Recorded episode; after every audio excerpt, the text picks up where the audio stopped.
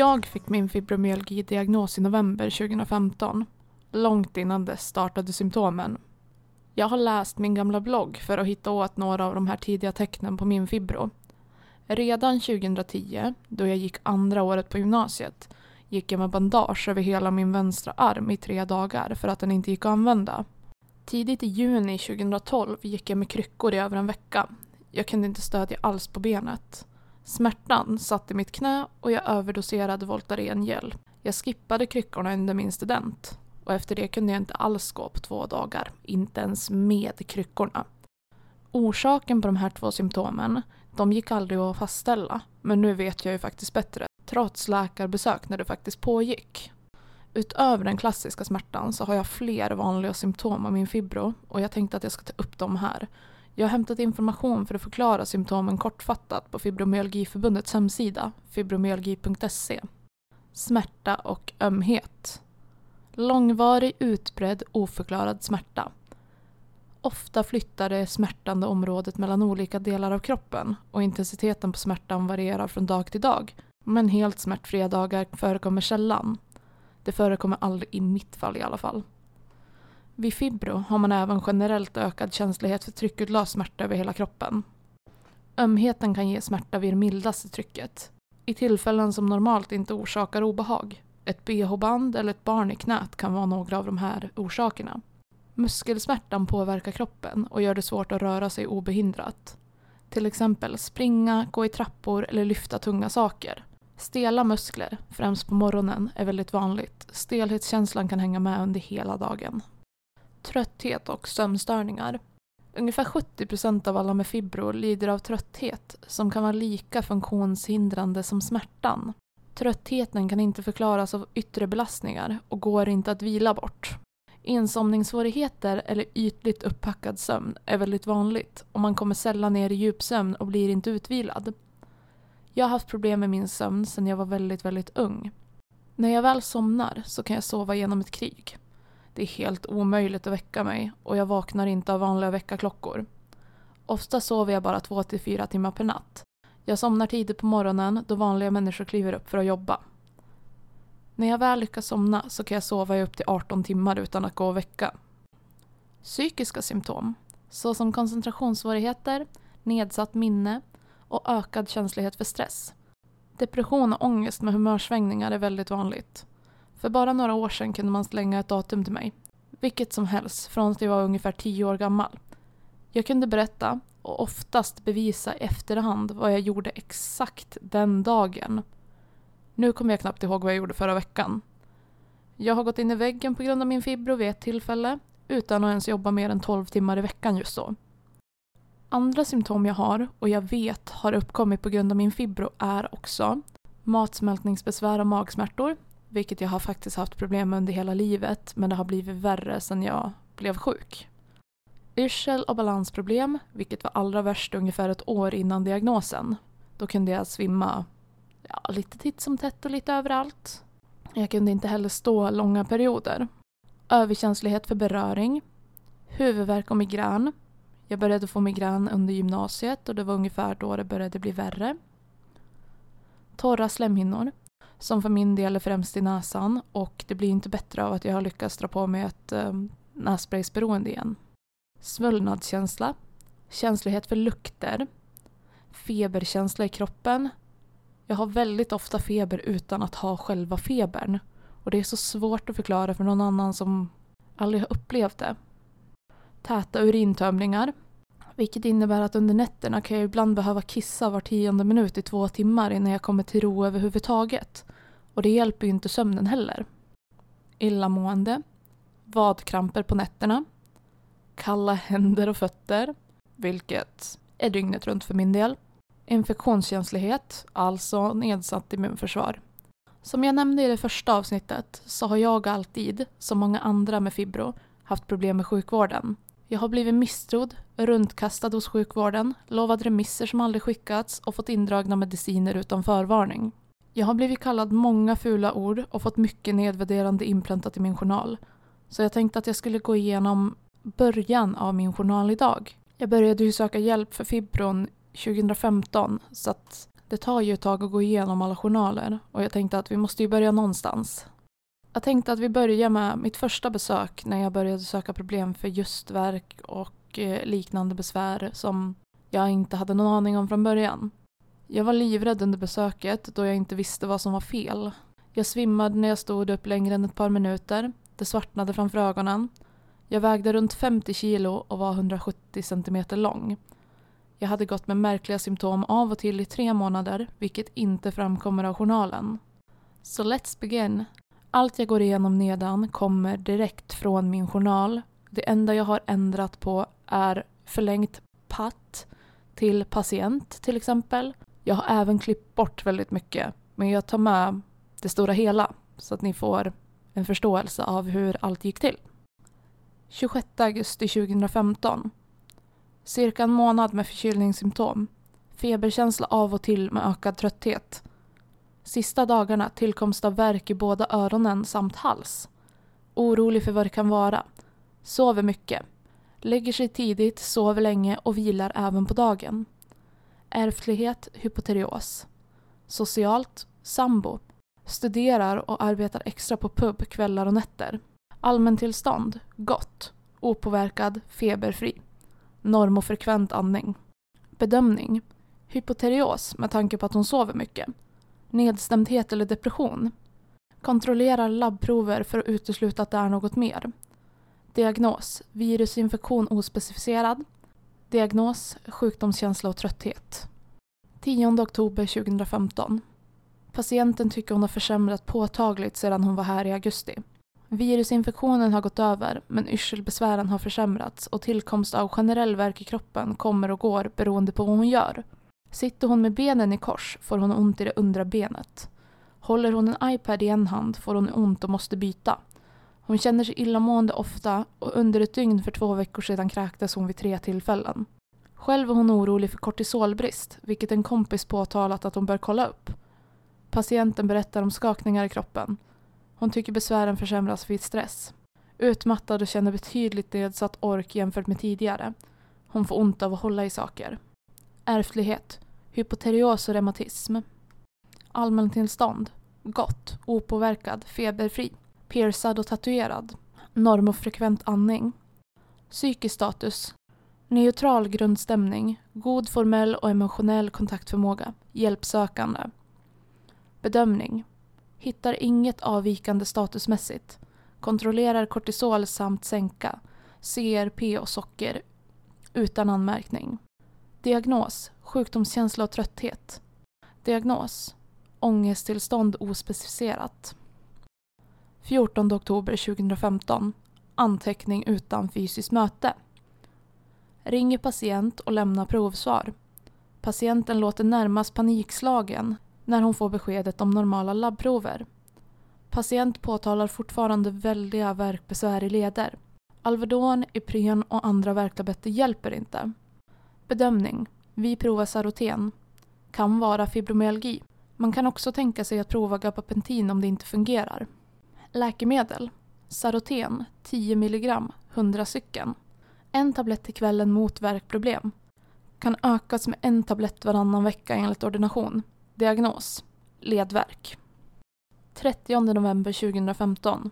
Värkproblematik. Främst besvär från höger ben och rygg, men även axlar, nacke, svank. Försämras av kyla. Värken migrerar och byter plats. Patienten har provat att aktivera sig mer. Hon har börjat gå promenader och hon har ökat sin aktivitet på vikariatet på förskolan, där hon leker mer med barnen och är mer aktiv, vilket inte förbättrat, lindrat eller försämrat värkproblematiken. Patienten tycker att hon har en sämre dag smärtmässigt idag. Hon berättar också att hon får omotiverat hög värk av relativt små trauman och exemplifierar att hon fick väldigt ont när hon slog i handen i några galgar eller när en väninna råkade stöta till patienten så hon törnade in i en vägg och fick oproportionerligt hög värk. Lokalstatus. Patienten öm över samtliga fibromyalgipunkter. Bedömning. Haft viss positiv effekt efter hon börjat med tre tabletter Saroten till kvällen.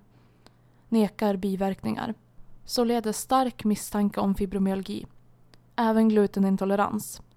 Telefonuppföljning om en månad. Diagnos fibromyalgi. Det blev ingen telefonuppföljning efter det. Jag fick själv ta kontakt med vårdcentralen igen. Det dröjde nästan ett år. Jag var ung och lite för envis. 16 augusti 2016. Anteckning utan fysiskt möte. Önskar telefonkontakt alternativt boka in ett besök för uppföljning. Fick diagnos på fibromyalgi förra året. Har provat Alvedon enligt ordination samt Saroten med viss effekt. Även provat att höja dosen. Har jobbig värk. Remiss till smärtcentrum. 16 augusti 2016. Senare under eftermiddagen. Vid vår senaste kontakt 15.11.30 var patienten öm över samtliga 18 fibromyalgi-triggerpunkter och fick då diagnos. Fick även Saroten som hade god effekt från 20 mg per dygn. Tyvärr avtog effekten. Patienten dosökade upp till fem tabletter per kväll utan att återfå någon bra effekt. Men däremot biverkningar med besvärlig värk i magen samt diarréer. Fortsatte ändå behandling fram till i våras då den avslutades. Hon har också läst mycket om fibromyalgi på nätet och tycker att det stämmer in på hennes besvär. Berättar att hon har varit deprimerad under vintern och våren och därför inte tagit kontakt. Framförallt för att hon inte orkat. Självbehandling med Alvedon i full dos utan effekt. Efterfrågar nu alternativa värktabletter. Önskar även remiss till smärtrehab. Provar istället behandling med Cymbalta mot fibromyalgin. Får även Pronaxen att ta vid behov. Info kring bägge dessa. Sätter upp en tid till sjukgymnast för ifyllandet av papper till smärtrehab. Plan, telefonuppföljning om cirka en månad och vi kommer överens om att patienten tar kontakten. 23 augusti 2016. Möte med sjukgymnast.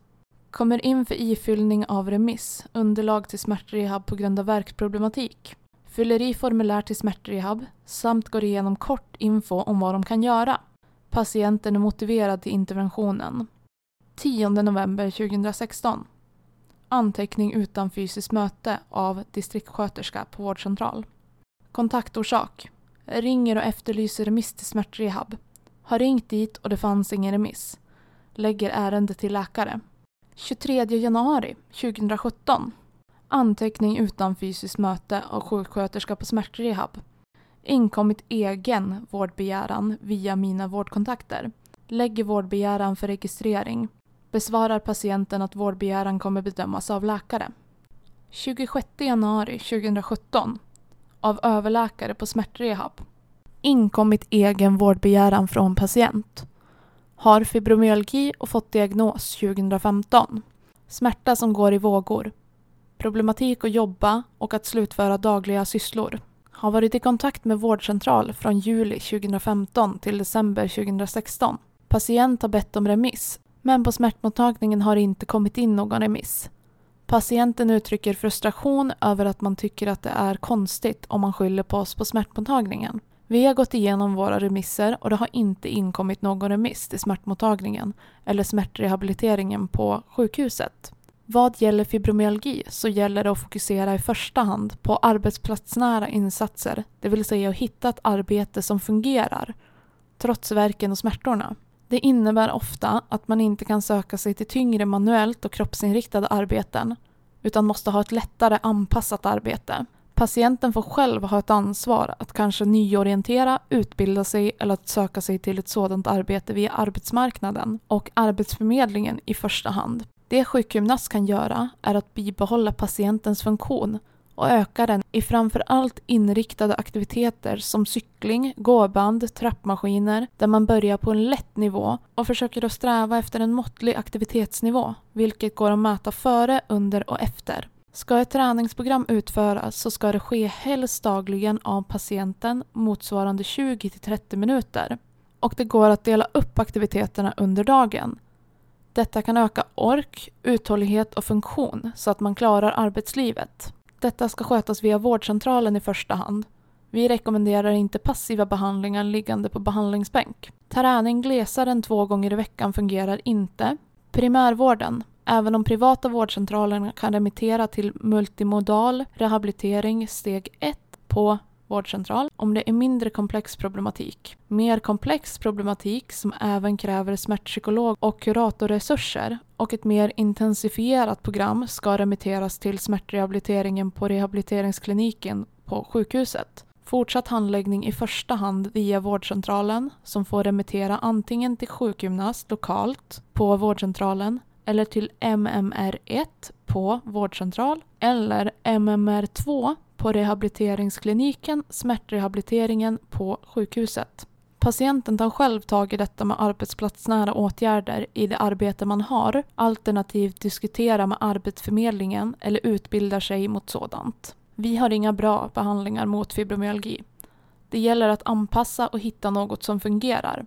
Läkemedelsbehandling mot fibromyalgi kapar sällan mer än topparna och förstahandspreparat där är Saroten i dosen 30-50 mg till natten. Dock integrerar det med Cymbalta.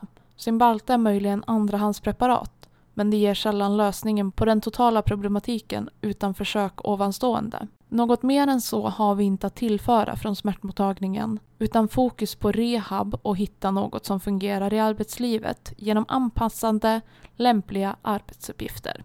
Kopia till patienten som remissvar samt till vårdcentral. 14 februari 2017. Anteckning utan fysiskt möte av sjuksköterska. Listar om sig. Fibromyalgipatient som vill byta vårdcentral. Det var det jag hade av journalen idag. Efter 14 februari 2017 så har det gått både upp och ner och det jag har tagit upp nu är bara början av resan. Jag har idag varit iväg och fått behandling för min läkare har satt in mig på en helt ny behandling jag aldrig har provat förut. Så om det funkar eller inte funkar så kommer jag ta upp det här i podden ändå. Men det är inte läge än. Jag kommer komma med mer journalanteckningar. Jag vet inte riktigt om det blir i nästa avsnitt eller om det blir i avsnitt 4, 5, 6 eller 1000. Men jag vill fortsätta berätta om resan jag har haft. I och med att jag har gått på fyra eller fem behandlingar sedan just jag bytte vårdcentral där 14 februari 2017 så kommer jag tillföra en hel del till just det här avsnittet. Men jag vill helt enkelt bara nu tacka för den fantastiska responsen jag fick på avsnitt 1. Jag har fått in lite lyssnarberättelser. Jag kommer börja gå igenom dem i avsnitt tre. Jag har fått in så himla mycket beröm över att jag faktiskt gör det här och som jag sa i förra avsnittet, jag gör det inte för mig själv utan jag gör det för oss, för jag vill att vi ska få höras. Jag har kämpat i tystheten allt för länge nu, så att varför inte fortsätta att kämpa i det offentliga en period?